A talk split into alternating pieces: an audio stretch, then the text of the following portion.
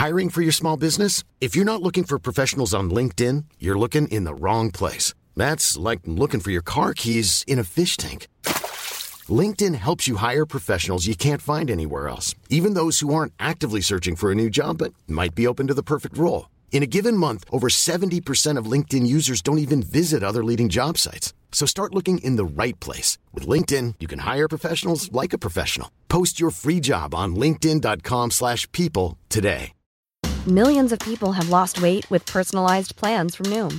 Like Evan, who can't stand salads and still lost 50 pounds. Salads generally for most people are the easy button, right? For me, that wasn't an option.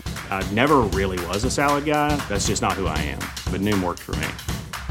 Get your personalized plan today at Noom.com. Real Noom user compensated to provide their story. In four weeks, the typical Noom user can expect to lose one to two pounds per week. Individual results may vary. Ready to pop the question? The jewelers at BlueNile.com have got sparkle down to a science with beautiful lab grown diamonds worthy of your most brilliant moments. Their lab grown diamonds are independently graded and guaranteed identical to natural diamonds, and they're ready to ship to your door. Go to BlueNile.com and use promo code LISTEN to get $50 off your purchase of $500 or more. That's code LISTEN at BlueNile.com for $50 off. BlueNile.com code LISTEN.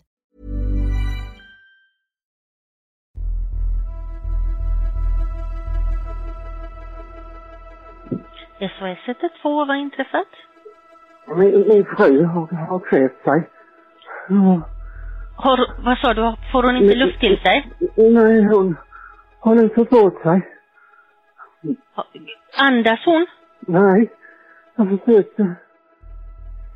Det är en tidig sommarmorgon den 11 juli 2019 som den 55-åriga Göran ringer in till SOS Alarm efter att ha hittat sin fru Karina livlös i deras gemensamma säng. Hon tycks ha slutat andas. Får du någon reaktion Nej. med henne? Hon blöder av näsan. Ja, vi ska hjälpa henne där. Så hon, hon svarar dig inte? Nej. Nej, då ska vi hjälpa henne. Hon har inga kramper eller så? Ja, men hon är livlös. Mm. Försök att, att göra någonting hårt på henne där på bröstkorgen och se ifall hon får någon eh, reaktion. Ja. Under det 20 minuter långa larmsamtalet instruerar larmoperatören Göran att utföra hjärt och lungräddning. Och i flera minuter hör man hur Göran kämpar med att försöka återuppliva sin fru. Men hennes liv kommer inte gå att rädda. Ser du om hon andas någonting? Nej. Nej. Hon har... Herregud. Du, vi ska hjälpa. Ta det, ta det lugnt bara. Vilken kommun är detta? Räddningstjänst, ambulanspersonal och poliser kommer slutligen att anlända till Göran och Karinas gård. Men väl på sjukhus kommer Karina slutligen att dödförklaras. Och då kommer maken Göran bli misstänkt för att ha bragt Karina om livet. Något han själv nekar till. För han försökte ju bara hjälpa henne. Och då vart han lite orolig. Liksom. Jag kommer ju ha hennes DNA på mig för jag har ju försökt eh, hjälpa henne. Liksom. Ja, ja, det, det, det förstår vi också men det är rutin, liksom, det görs. Efter en lång och gedigen polisutredning och efter att man grundligt gått igenom vad som faktiskt sades under larmsamtalet väljer åklagaren att åtala maken Göran för mord. Vi har ju bevisning i form av eh, väldigt omfattande teknisk bevisning och som sagt väldigt många vittnesförhör. Och Jag har ju landat i det nu när förundersökningen är avslutad att jag ser att det skulle kunna leda till en fällande dom. För det är när utredarna sätter sig in i Göran och Karinas liv och förhör vänner och bekanta som ett motiv också uppdagas. Ett motiv kopplat till Dansbandsveckan i Malung. Eh, Hon pratar rätt mycket om den här dansen och att hon egentligen inte ville, om jag minns rätt. eh, Hon ville inte åka på den och han hade väldigt gärna velat åka. Men Göran själv menar alltså att han är oskyldig och att hans fru Karina bragt sig själv om livet. ja, jag tyckte hela, hela situationen kändes lite konstig. Han berättade om någon granne som eh, var lite obehaglig, som hans fru var lite rädd för och så. Du lyssnar på Rättegångspodden och på den första av tre delar om dansbandsmordet. Mitt namn är Nils Bergman. Man vaknar och verkligheten är värre än den värsta mardrömmen.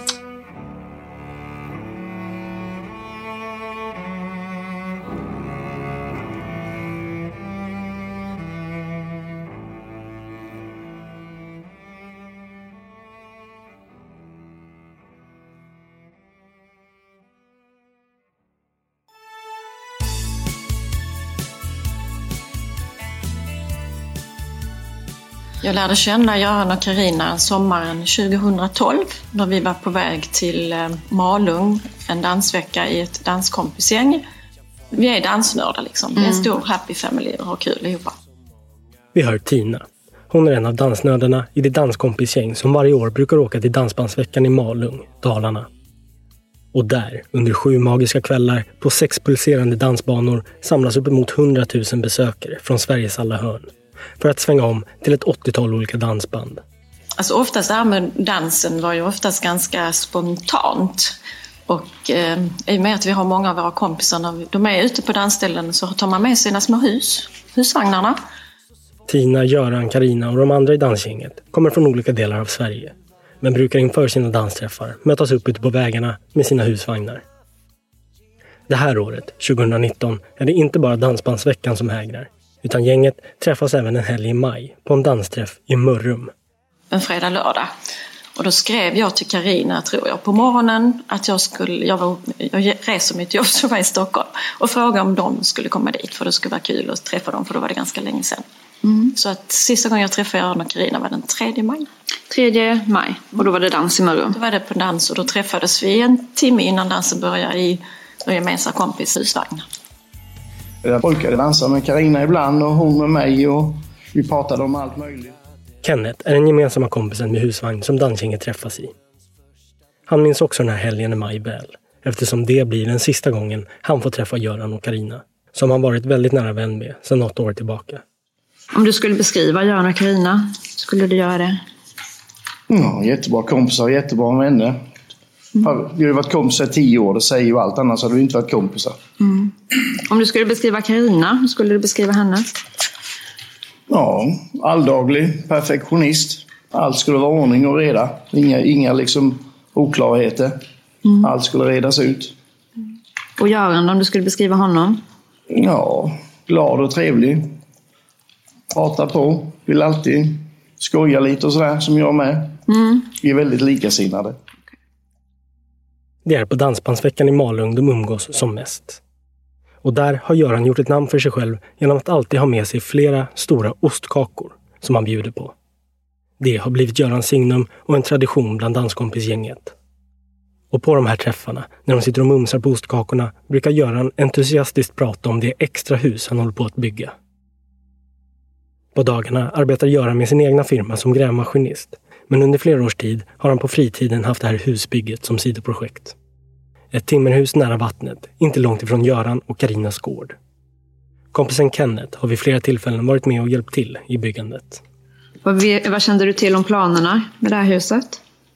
Nå, vi, sista gången vi träffades, då ju söndagen i Mörrum, så var ju planen på att det skulle vara färdigt vid jul. Så det var. Skulle det vara inflyttningsbart då? Ja, det skulle vara färdigt vid jul och vi skulle eventuellt ha ett lite nyårsfest vid nyår. Så de berättar mycket om sitt hus och Karina visar bilder. Vännen Tina får även hon ta del av parets tankar kring husbygget. Både Göran och Karina tycks förväntansfulla över det nya huset, som det, enligt de flesta vännerna, är tänkt att de båda ska flytta in i kring årsskiftet. Jag har för mig att det inte skulle bli inte så jättemånga rum om jag kommer ihåg. Men fick du uppfattningen att både Göran och Carina skulle bo i huset? Ja, allra högsta grad. Det skulle väl bli färdigt någon gång framåt hösten tror jag. Göran och Karinas granne sedan 30 år tillbaka, Arne, ser dock hur husbygget tär på Göran, som aldrig tycks bli klar med det. Alltid är någonting mer att fixa och Arne ser hur Göran dag ut och dag in jäktar fram och tillbaka från gården till timmerhuset. Ja, han var lite stressad och jag sa till honom ett par gånger att han skulle lämna ner sig lite och ta det lugnt för han hade symptom för att gå i väggen tyckte jag. Du tyckte, okej. Och det var ju både jobba på dagen och husbygget och allt. Mm. Vi vet ju att han skadade sin hand för en tid sedan. Tyckte du att den hade påverkat honom? Det kunde vara någon orsak? Ja, det påverkade ju han. Han kunde inte sitta i grävmaskinen för länge. För. Den 23 februari 2018 fastnade Göran med sin högra hand under sin bil i 10 minuter och handleden krossades. Efter operationer och lång rehabilitering återfår han till viss del kontrollen över handen. Men kan inte röra den så som han brukar och har problem att lyfta tyngre saker. Det här handikappet påverkar honom enormt mycket. både i hans arbete som grävmaskinist men också psykiskt. Ja, det kändes som det hände någonting när eh, olyckan med armen. Vi hör Erik. Han är gift med Karinas syster och har känt paret sedan mitten av 90-talet. Erik menar att det inte kan finnas någon i Göran och Karinas närhet som undgått Görans jämrande över sin skadade handled. På vilket sätt skulle du säga att något har hänt? Mer självupptagen, mer fokus på det. Sen förstår jag att det gör ont i en arm, men det är alltid armen man pratar om i alla sammankomster. Har han verkat må dåligt? Inte mer än eh, armen då.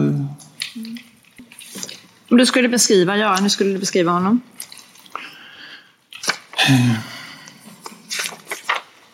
Bra på att prata om sig själv. Framhäva sig själv.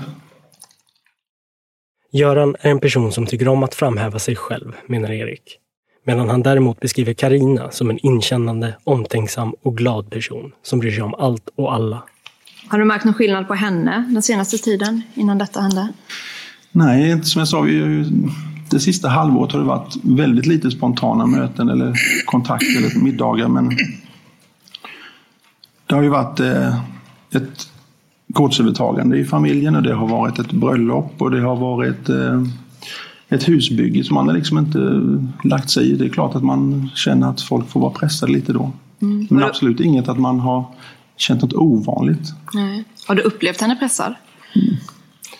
Nej, men lite fundersam kanske. Hon gick och funderade väldigt mycket på husbygget där det skulle beställas fönster, det skulle vara kök och det skulle vara hur man skulle utforma baksidan mot sjön. Och hon hade så mycket idéer om framsidan och där skulle vara visst möblemang, vet jag vi pratade om bara någon månad innan det hände. Enligt de allra flesta vännerna stod det klart att Göran och Karina byggde huset tillsammans och för att sedan bo i det tillsammans. Medan deras barn tar över gården. Den enda vännen som fått en helt annan uppfattning kring det är Görans bästa kompis Jonny. Eh, som jag har förstått det har hon inte varit delaktig överhuvudtaget. Aldrig hört Jonny har från Göran aldrig hört någonting om att Karina varit involverad i husbygget. Det har helt och hållet varit Görans egna projekt, menar han. Jag har pratat med Göran om och det jag sett han lagt ut på Facebook är ju att det är ju han och några kompisar som har byggt och han har så här ska jag ha det och det här rummet ska jag ha till detta och så vidare. Inte någonstans sett någonting om att Karina skulle vara delaktig. Att Göran planerade att ha huset för sig själv tycker Jonny också rimmar med hur han upplever att Göran och Karinas förhållande var. Nämligen dåligt. Alltså jag, som jag uppfattat Göran var det att det egentligen var väl förhållandet var väl slut på det sättet som det ska vara när man lever tillsammans utan eh, och sen var det det här han eh, ja vad jag förstått så skulle ju de skiljas. Jonny, som tillbringat mycket tid ensam med Göran och som är den kompis Göran anförtror sig mest åt, tycks vara den enda i bekantskapskretsen som nåtts av vetskapen att paret planerar att skiljas. Den sista gången Jonny såg Göran var kring midsommar 2019. Och då tyckte han att Göran var tydlig med att äktenskapet var över. Ja, alltså det Göran och jag har ju pratat om det här, eller det har ju framgått tydligt att han inte var intresserad av att fortsätta med Karina och det vi pratade om han skulle skiljas och ja, nej, det var det ju det här generationsskiftet och det skulle redas ut och bli färdigt och eh, sen skulle han kunna vara fri. Generationsskiftet ska bara bli klart. Alltså processen att låta barnen ta över och driva skötseln av gården. Sen skulle han bli fri, säger alltså Göran till kompisen Jonny. Men några skilsmässotankar är ingenting som någon av Göran och Karinas övriga vänner eller närstående hört någonting om. Har du hört någonting om någon förestående skilsmässa eller att de skulle separera? Nej. Aldrig någonsin? De har ju sagt någon gång vid tillfälle för några år sedan att vi har haft våra downperioder men vi har rätt ut dem och sen har jag aldrig ifrågasatt mer. Har du hört någonting om att det var någon förestående skilsmässa? Nej, definitivt inte. Har de uppträtt på ett sätt som att de skulle separera? Nej, inte i och med att jag säger att de har haft en sån här relation alltid under mina 25 år så kändes det inte onormalt. Tror du att det skulle vara ett problem för någon av dem att, att skilja sig? Ja, det skulle väl i så fall vara Göran som inte har så koll på ekonomin och den biten, skulle jag säga. Oavsett hur det ligger till med skilsmässa så är danskompisgänget helt inställda på att de alla, precis som vanligt, ska åka till Dansbandsveckan i Malung.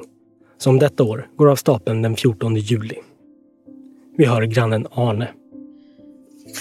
Kände du till om de skulle åka till Malung det här året? Ja, det skulle de. Vi rör oss nu in mot juli månad och Arne berättar hur han vid ett tillfälle småpratar med Göran, som då uttrycker att Karina detta år inte verkar ha lika stor lust att följa med på Dansbandsveckan. Han säger att hon tycker att de har för mycket att stå i här hemma, med gården och husbygget. Vet du om man skulle åka själv eller med någon annan eller några andra? Vill inte Carina åka med så åker jag själv, sa han. Sa han det? Mm. När sa han det? Ja, vecka innan eller något. Okej. Planen för det här årets resa upp till Malung är precis som tidigare år. Att hela gänget sammanstrålar med sina husvagnar vid en bensinmack i Jönköping för att sedan åka i samlad tropp vidare upp mot Dalarna. Och vi tankar bilarna där och sen så ger vi oss iväg och sen är det fika och det är middag på vägen upp. Och... Vi har vännen Kenneth. Okej. Var det likadant i år att ni skulle mötas upp i Jönköping? Ja, det var väl inte riktigt 100% ordagrant men jag skulle inte förstå varför vi inte skulle inte göra det. På tisdagen innan avfärd, den 9 juli, så pratar Kenneth i telefon med både Göran och Karina. Det var ju dagligt och lite varje och de ringde mig på kvällen där och jag var lite trött och sliten efter jag jobbat en hel dag. Och det var ju bland annat om Malung och lite varje och jag hade servat på mina lastbilar där hemma så vi pratade lite om det och lite varje. Var det de som ringde dig? Det var nog Göran för mig som ringde mig där. Så vi pratade med bägge två där. Du pratade med båda. Hur verkade de? Ja, lugnt och sansat och ingenting. Märkte ingenting. Det var inget särskilt som du märkte som var annorlunda? Nej. Vi pratade om Malung och packa och det här och så. Mm. Vad hade de för planer, Göran och Carina, kring detta? Ja, de hade planer att åka till Malung. Vet du när de skulle åka? Ja, ja, vi har ju alltid kört söndagarna så jag vet inte riktigt 100% vad vi pratade om men vi, vi pratade nog om söndagarna som vanligt. Men det här året kommer ingenting bli som vanligt. Det här året kommer danskompisgänget inte att möta upp Göran och Karina vid macken i Jönköping. Och danskompisgänget kommer heller inte att detta år bli bjudna på Görans ostkakor. Jag driver ett litet företag som bland annat tillverkar och försäljer ostkaka. Vi hör konditorn Elsie som berättar att hon i maj det här året stod och sålde ostkakor och andra bakverk på en marknad. Då en man som hon nu förstått var Göran gick fram till henne. Han pratade om att han skulle åka till någonstans som inte jag kommer ihåg i mitten på sommaren och han brukade alltid ha ostkaka med sig och den som tillverkade det, eller tillverkat det, kunde inte göra det längre. Så han gjorde en preliminär beställning av två gånger, tre gånger två kilo av mig till eh, helgen där, vad det nu blir 12-13 juli. Tre stycken ostkakor på två kilo vardera är vad Göran vill ha och han vill ha dem klara samma helg som avresan till Dansbandsveckan. Och, men vi skulle återkomma och jag fick hans telefonnummer. Och när jag inte hade hört någonting på kvällen så skickade jag ett sms om det fortfarande var aktuellt. Vid 21-tiden onsdagskvällen den 10 juli så smsar Elsie Göran och frågar om han fortfarande ska ha några ostkakor. 25 minuter senare får hon ett mycket kortfattat svar av Göran som enbart består av ordet nej. Jag la det åt sidan och sen var jag nöjd med att jag hade fått ett nej för då behövde jag inte göra någon ostkaka. Jag förstår. Göran avbeställer alltså redan nu och från ingenstans sina sedvanliga ostkakor. Nästan som att han redan här vet att det ändå inte kommer bli aktuellt med någon resa till Dansbandsveckan i Malung det här året.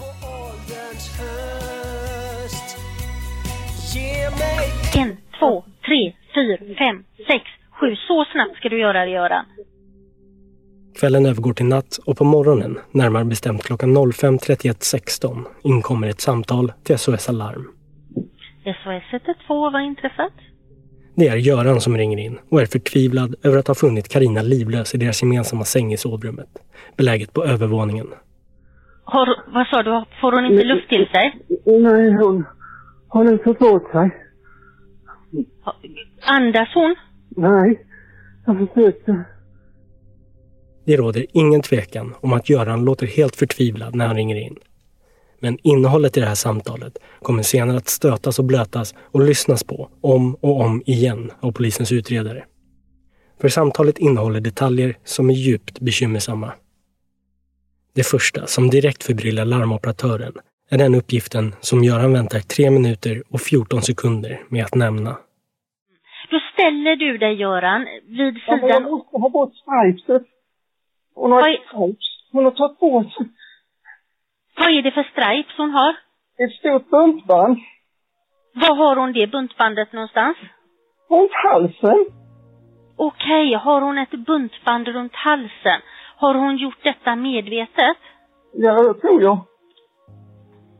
Mm. Det låter nästan som att larmoperatören tar en kort funderare efter att hon möts av vetskapen att det här inte rör sig om någon plötslig andnöd eller hjärtstopp av någon naturlig orsak. Karina har slutat andas för att hon har ett buntband åtstramat runt halsen. Det förändrar dock inte larmoperatörens vilja att guida Göran till att försöka återuppliva henne. Frågan är bara om det verkligen är det Göran vill. Du, försök, försök att att få loss det med en sax eller någonting, Göran. Jag försöker klippa mig i nageltång. Mm. Försök med någon sax och, och klippa upp det. Varför gör du så här? Har hon gjort så här tidigare, Göran? Nej, men hon har hotat med det. Ja, okej. Men hon har aldrig gjort något försök tidigare? Nej, bara gått iväg i skogen och varit arg. Ja. Göran, får du... Hit. Eller, ambulansen larmar medan vi pratar här nu. Hittar du någon sax så du får upp det här buntbandet? ja, jag får väck det. Du har fått väck det? Mm. Mm. Vad har hon för färg i ansiktet? Jag vet inte, men röd, bl- blå eller... Är hon blå, har hon blåaktig färg i ansiktet? Birgitta, Ja. tabba ur där så vi får infon till...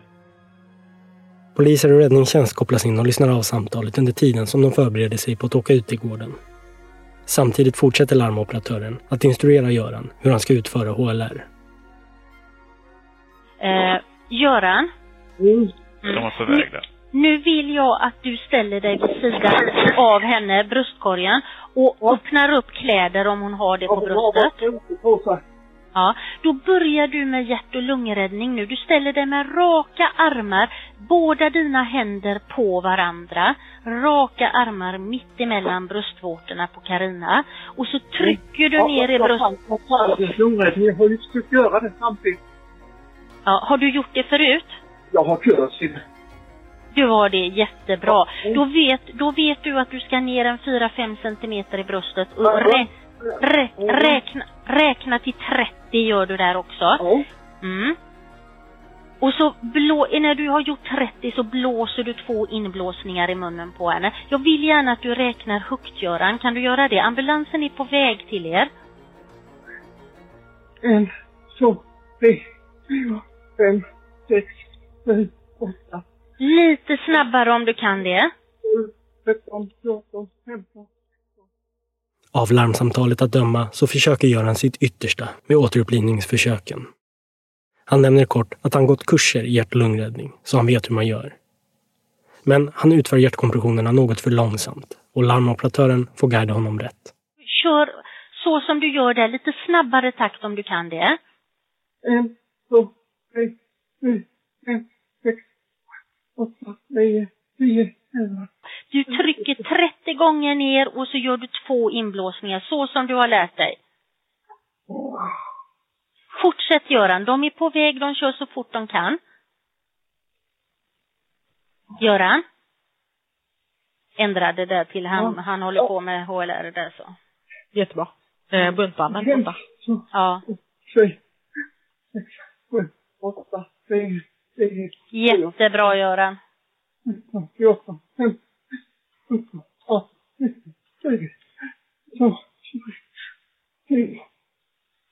Mm. Jättebra. Du, fortsätt bara Göran, fortsätt bara Göran hela tiden. De kör på så fort de kan. Och det kan ju vara så att det är räddningstjänsten som kommer först, Göran, där så till er. Nio minuter in i samtalet får larmoperatören reda på att räddningstjänsten är på väg mot gården och meddelar det till Göran. Som då inser att det vore bra att gå ner och låsa upp dörren för dem. Så du inte blir förvånad. Ja. eh, Mm. Men det är... Ja. I, Man i, ändå.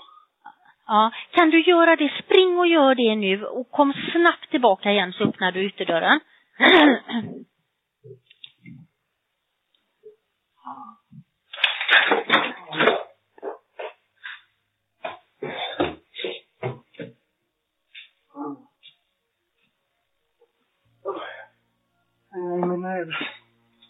Är den upplåst nu?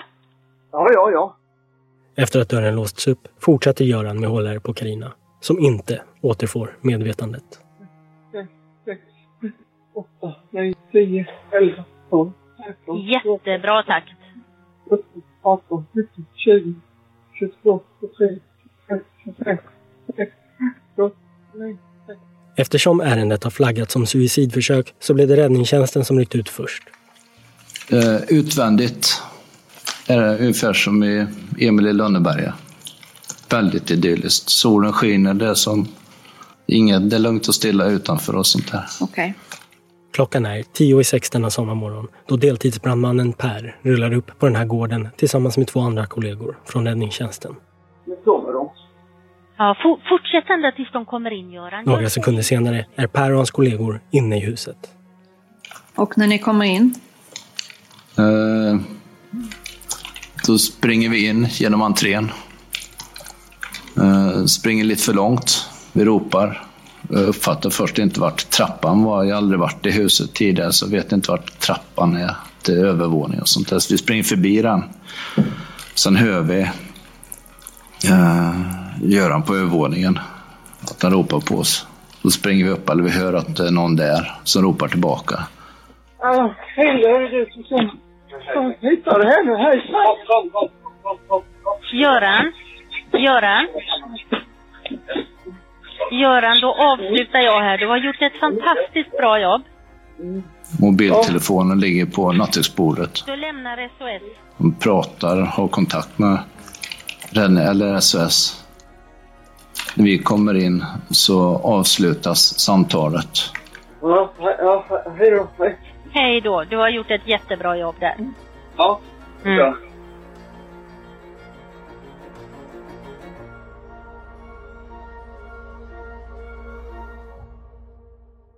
Per blickar snabbt omkring sig för att få grepp om situationen.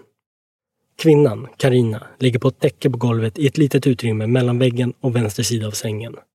Där på golvet, fast en bit upp mot nattduksbordet, sitter även Göran, lutad mot väggen. På sängen ligger ett avklippt buntband och en nageltång. Sen kvinnan ligger på, på golvet ovanpå täcket. Vi tar tag i täcket. Drar fram henne så att vi ska kunna göra det vi ska. Upplivningsförsök, känner puls och sånt där. Sätter igång med hjärt-lungräddning direkt. Karina dras ut på sovrumsgolvet där det finns mer plats för dem att arbeta på. De upplever inte att Karina har någon puls. Men Per sätter sig ändå över Karina och gör sig redo för att ta över hjärt och lungräddningen. Och det är då han grips av en skrämmande insikt. Och eh, jag börjar med hjärtkompressioner. Efter första kompressionen så knäcker jag revben. Och det är ett tecken på att det inte någon har gjort kompressioner ordentligt tidigare.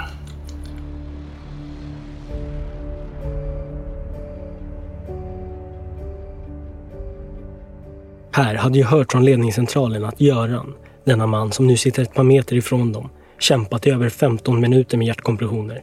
Gång på gång på gång. Om det nu inte var Karina han utförde kompressionerna på, vad var det då man hörde att Göran höll på med? Så vi ber, ber Göran att han ska gå ut därifrån så vi kan jobba i lugn och ro. Men vi får ingen respons på det. Den förbryllande insikten Per fått förhindrar honom inte att själv direkt påbörja HLR, som han håller på med i flera minuter, samtidigt som de uppmanar Göran att lämna sovrummet. Men Göran verkar inte vilja resa sig upp och blir kvar där sittandes vid nattduksbordet en stund till.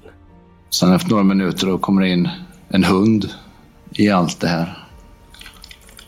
Och då, då, då gör han, ber vi Göran ta hand om hunden. Och då, då leder han ut hunden. Då kan vi fortsätta och jobba i lugn och ro.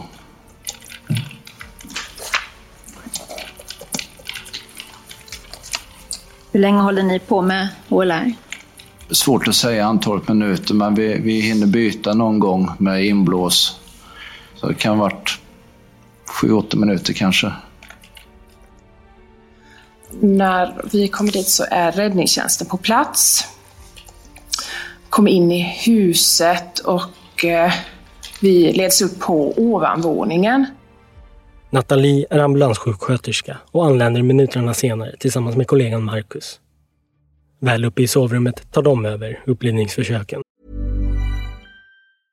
Imagine the softest sheets you've ever felt. Now imagine them getting even softer over time. That's what you'll feel with Bowl and Branch's organic cotton sheets. In a recent customer survey, 96% replied that Bowl and Branch sheets get softer with every wash. Start getting your best night's sleep in these sheets that get softer and softer for years to come. Try their sheets with a 30-night guarantee. Plus, get 15% off your first order at bowlandbranch.com. Code BUTTERY. Exclusions apply. See site for details. Ready to pop the question? The jewelers at BlueNile.com have got sparkle down to a science with beautiful lab grown diamonds worthy of your most brilliant moments. Their lab grown diamonds are independently graded and guaranteed identical to natural diamonds, and they're ready to ship to your door. Go to BlueNile.com and use promo code LISTEN to get $50 off your purchase of $500 or more. That's code LISTEN at BlueNile.com for $50 off. BlueNile.com code LISTEN. Hi, I'm Daniel, founder of Pretty Litter. Did you know cats tend to hide symptoms of sickness and pain? I learned this the hard way after losing my cat, Gingy. So I created Pretty Litter, a health monitoring litter that helps detect early signs of illness by changing colors, saving you money and potentially your cat's life. Pretty Litter is veterinarian developed, and it's the easiest way to keep tabs on your fur baby's health right at home. Go to prettylitter.com and use code ACAST for 20% off your first order and a free cat toy. Terms and conditions apply. See site for details. Hur är kvinnans status när ni tar över? Eh, livlös är hon. Mm. Känner ni någon puls? Eh, jag är osäker för vi gjorde det initialt, jag tror inte det. Maken, du beskrev att han befann sig utanför sovrummet när du kom upp. Ja. Mm. Hurdan är han? Hur uppfattar Eh, du honom? Det, det korta som jag liksom kollar på honom så tycker jag att han känns eh, men ganska uttryckslös. Eh, jag, jag skulle kunna säga att det kan ju också vara att man är väldigt chockad. Eh, men det var inte så som det var inte ren och skär panik som många kan hamna i den fasen också. Så. Men innan Nathalie begav sig in till Carina pratade hon alltså lite kort med Göran, som då gav en spontan redogörelse för vad som har hänt. Som hänt, vad säger han då? Ehm, ja, vad vad jag vill minnas så var det att han hade, jag kommer inte riktigt ihåg när han hade gått upp, men han hade gått upp en kort stund. Eh, kommer inte riktigt ihåg vad han skulle göra, men han, det handlade inte om en längre stund, ifall det var kanske 15 minuter eller något sådant som han var borta. Eh, när han kommer tillbaka så finner han kvinnan i sängen med det här buntbandet runt halsen. Och han som jag förstod hämtade något slags verktyg för att få bort detta och eh, ringde på hjälp och påbörjade som jag förstått HLR. Liksom så. Mm. Göran berättar alltså att han gått upp på morgonen och lämnat sovrummet för en stund. För att sedan komma tillbaka och då upptäckt att Karina har ett buntband runt halsen. Han berättar att han då klipper av buntbandet innan han ringer till 112. Men det här stämmer inte överens med hur det lät i larmsamtalet. Där det framgår tydligt att det är larmoperatören som uppmanar Göran att ta bort buntbandet. Det här är bara en av många oklarheter i Görans redogörelse för händelsen som inte kommer att stämma med vad som sägs i larmsamtalet. Vi kommer att lyssna om på samtalet senare, men först har vi mer av Nathalies iakttagelser. Hade du några specifika tankar kring det här ärendet när du var på platsen? Ehm. Alltså, jag, jag, det som jag tänkte, det var att... Eh, det var ju bara personligen att jag tänkte liksom så här att jag inte riktigt fick grepp om vad händelseförloppet var. Mm. Ja. Tänkte du någonting på det här att eh, kvinnan har haft ett buntband runt halsen?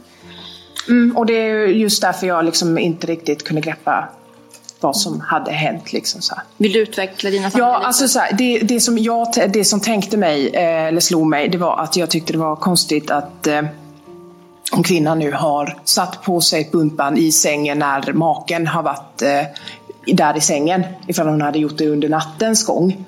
Eh, då tycker jag det är svårt att inte man skulle vakna av det. Eh, Ehm, och sen så tänkte jag att det var också lätt lite alltså förvånande konstigt, jag vet inte hur jag ska uttrycka det riktigt, men att, eh, att den här kvinnan hade då passat på under tiden, den här korta stunden som mannen hade varit borta, lät också lite eh, konstigt vad jag tyckte. Så jag, ja, jag tyckte hela, hela situationen kändes lite konstig. Karina kommer inte dödförklaras förrän hon anlänt till sjukhus och undersökts av läkare. Men redan i huset är hon livlös, utan puls och hjärtkompressionerna har inte haft någon effekt. Precis när vi kom upp för trappen så möts vi av räddningstjänst och ambulanspersonal som bär på en bår. Då, kvinnan. Polisen Daniel möter ambulanspersonalen i trappen som är på väg ut till ambulansbilen. Daniel och hans kollega Fredrik hinner knappt få grepp om situationen innan Göran själv gör sig till känna. Det kommer en man till, dit och frågar om eh, vi söker han. Och jag frågar vem det är då. Och då säger han att han heter Göran och det är mannen i familjen. Och då säger jag, eh, vi vill eh, prata med dig då. Kan vi sätta oss någonstans där det är lugnt? Eh, Ja, in i tv-rummet då, säger han. Så vi går dit och eh, stänger dörrarna. I vardagsrummet sätter sig Daniel ner med Göran för att höra vad det är som har hänt. Och bland det första Göran säger är att han inte vill att poliserna ska berätta för barnen om detaljen kring buntbandet. Daniel väljer att inte svara på det, utan påbörjar ett mer regelrätt förhör. Där berättar Göran samma spontana berättelse som han gjorde för Nathalie. Att Göran vaknat innan Karina gått ner och satt sig i köket för att sedan notera hur Karinas väckarklocka går igång. Hon brukade alltid stänga av den väldigt snabbt så han gick upp och eh, eh skulle stänga av den då. Eh, och så undrade han, frågade han liksom, varför stänger du inte av klockan? Eh, och då så tog jag bort täcket och så såg han att hon hade buntband runt halsen då. Och sen eh, ringde han 112. Eh, så följde instruktionerna där som de gav honom då. Det framgår inte där och då exakt när, om det var före eller efter Göran ringer 112 som han klippte av buntbandet. Det Daniel slås om när han sitter där med Göran är att Göran är lugn, pratar om planerna att åka till Dansbandsveckan i Malung och visar honom även ritning på huset som de håller på att bygga. Hur skulle du beskriva honom? Jag tycker han var ganska lugn i förhören och sådär. Det var inget lugn och hade ganska bra koll på vad som hade hänt kändes det. Mm. Vad hände efter förhöret? Efter förhöret så var det en kollega som kallade på mig och eh, de hade beslutat att han skulle föra mig till station. Då. Så jag meddelade att han skulle föra mig till station. Och, Blir han gripen? ja. Göran grips och Daniel och hans kollega Fredrik sätter honom i polisbilen och kör mot polisstationen. Jag vet inte, jag uppfattar han som ganska så lugn ändå, eller normal. Vi hör polisen Fredrik som kör polisbilen.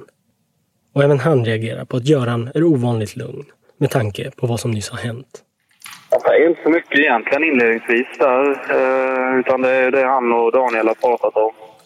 Och sen så när jag börjar köra så ja, pratar eh, Göran om någon dans eh, uppåt, tror jag det var Malung eller något de skulle på. Eh, han och eh, frun då. Eh, pratar rätt mycket om den här dansen och att hon egentligen inte ville, om jag minns rätt, eh, hon ville inte åka på den och han hade väldigt gärna velat åka. Det tycks vara Dansbandsveckan och husbygget som Göran mest vill prata om. De ämnena varvas med att Göran utbrister i gråtliknande tjut. Det händer det några gånger att han eh, brister ut då i de här, eh, ja, vad ska man kalla det, gråttjuten.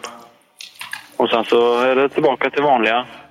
Han berättade om någon granne som eh, var lite obehaglig, som hans fru var lite rädd för och så. Och, eh, eh, han undrade lite vad som kommer hända in på station och så. Mm. Men det, Hurdan, hurdan verkar han under... eh, ja, det var samma in. Han var ganska lugn tycker jag. Väl framme på polisstationen blir det dags för avvisitering och undersökning av Göran. Det går lugnt till. Göran fortsätter att småprata med poliserna men visar viss oro kring de undersökningarna som ska göras på honom. Ja, då kommer man in i resten där så får man... Eh, vi börjar med att eh, skrapa hans naglar under då. Som man gör. Och då vart han lite orolig. Liksom. Jag kommer ju ha hennes DNA på mig för jag har ju försökt eh, hjälpa henne. Liksom. Ja, ja det, det, det förstår vi också men det är rutin liksom det görs. Det var lite märkligt, eh, tyckte jag vid tillfället. Och Fredrik reagerar också på Görans plötsliga intresse för de kroppsliga undersökningarna som de gör på honom. Att Göran gång på gång poängterar att det inte vore konstigt om Karinas DNA finns på hans händer eftersom han ju utfört HLR på henne. Eh, det var precis som han... Eh, ja, någonstans att det där är inget... Eh, inget... Eh, ja, ni kan... Eh, vad ska jag säga? Det är inget bevis eller sådär. Och Len, det där är inget eh, som tillför något. Vill han väl påpeka. Ehm, Mm. ja. Eh, Du säger att han, han säger att han har gjort HLR på sin fru. Berättar han någonting mer kring det? Eh, ja, jag får, vi har ju rätt så lång tid. Alltså, vi småpratade lite så frågade jag att om han, om han kunde HLR eller om det var eh, om det var 112 som guidade honom. Och då berättade han att han har varit eh, dansinstruktör eller eh, liknande danslärare eller något. Eh, och att eh, de då hade fått lära sig eh, att utföra HLR eftersom han skulle vara instruktör. Eh, och det tror jag även hans eh, fru, att hon också var dansinstruktör, att han berättade. Säger han något hur eh, den här HLR har gått specifikt? Hur, hur det har gått? Ja, den som han gjorde på sin fru. Berättar han någonting om det? Ja, jag har för mig att han säger att... att eh, ja, det säger han. Han säger att det är konstigt, någonting, att det är konstigt hur man kan finna sig och utföra det i en sån situation eller en stressad situation eller något sånt där liknande. Eh, att man ändå klarar av att göra det i en sån situation, säger han. Något liknande.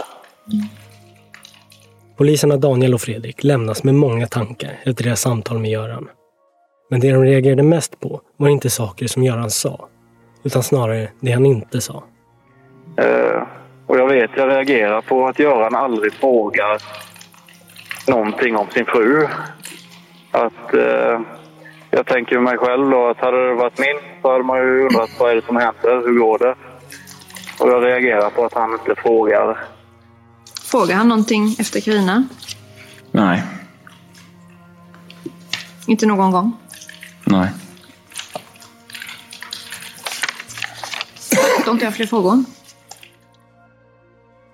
Efter att Göran gripits och satts i arresten förblir han frihetsberövad i väntan på rättegång i nära tio månader. Under den tiden arbetar polisen ihärdigt med sin förundersökning och samlar in mängder av bevis från både brottsplatsen och från förhör med vittnen. Vad skulle vara motivet? Jag kommer gå in på någon annan vid min sakframställning, men det är min uppfattning att, att det finns en möjlig motivbild. Det visar sig nämligen att Göran hade planer på att åka till Dansbandsveckan i Malung. Men inte med sin fru, utan med sin älskarinna. Eh, jag... Eh, ja. Jag fick väl närmare känslor för Göran. Och jag hade väl vetat ganska länge att han hade känslor för mig. Du har lyssnat på Rättegångspodden och på del 1 av 3 om dansbandsmordet. Mitt namn är Nils Bergman. Ansvarig utgivare är Jonas Häger. Tack för att ni lyssnar.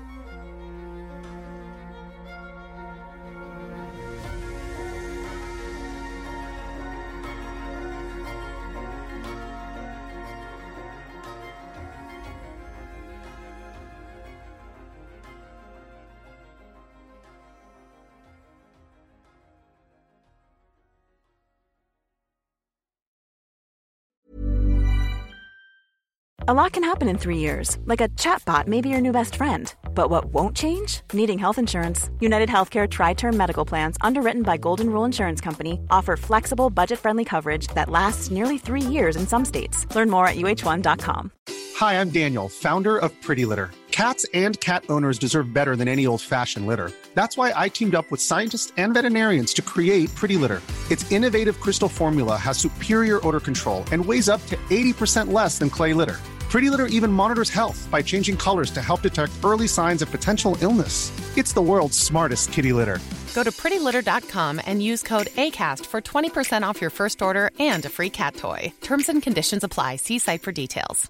Hey, it's Paige DeSorbo from Giggly Squad. High quality fashion without the price tag? Say hello to Quince.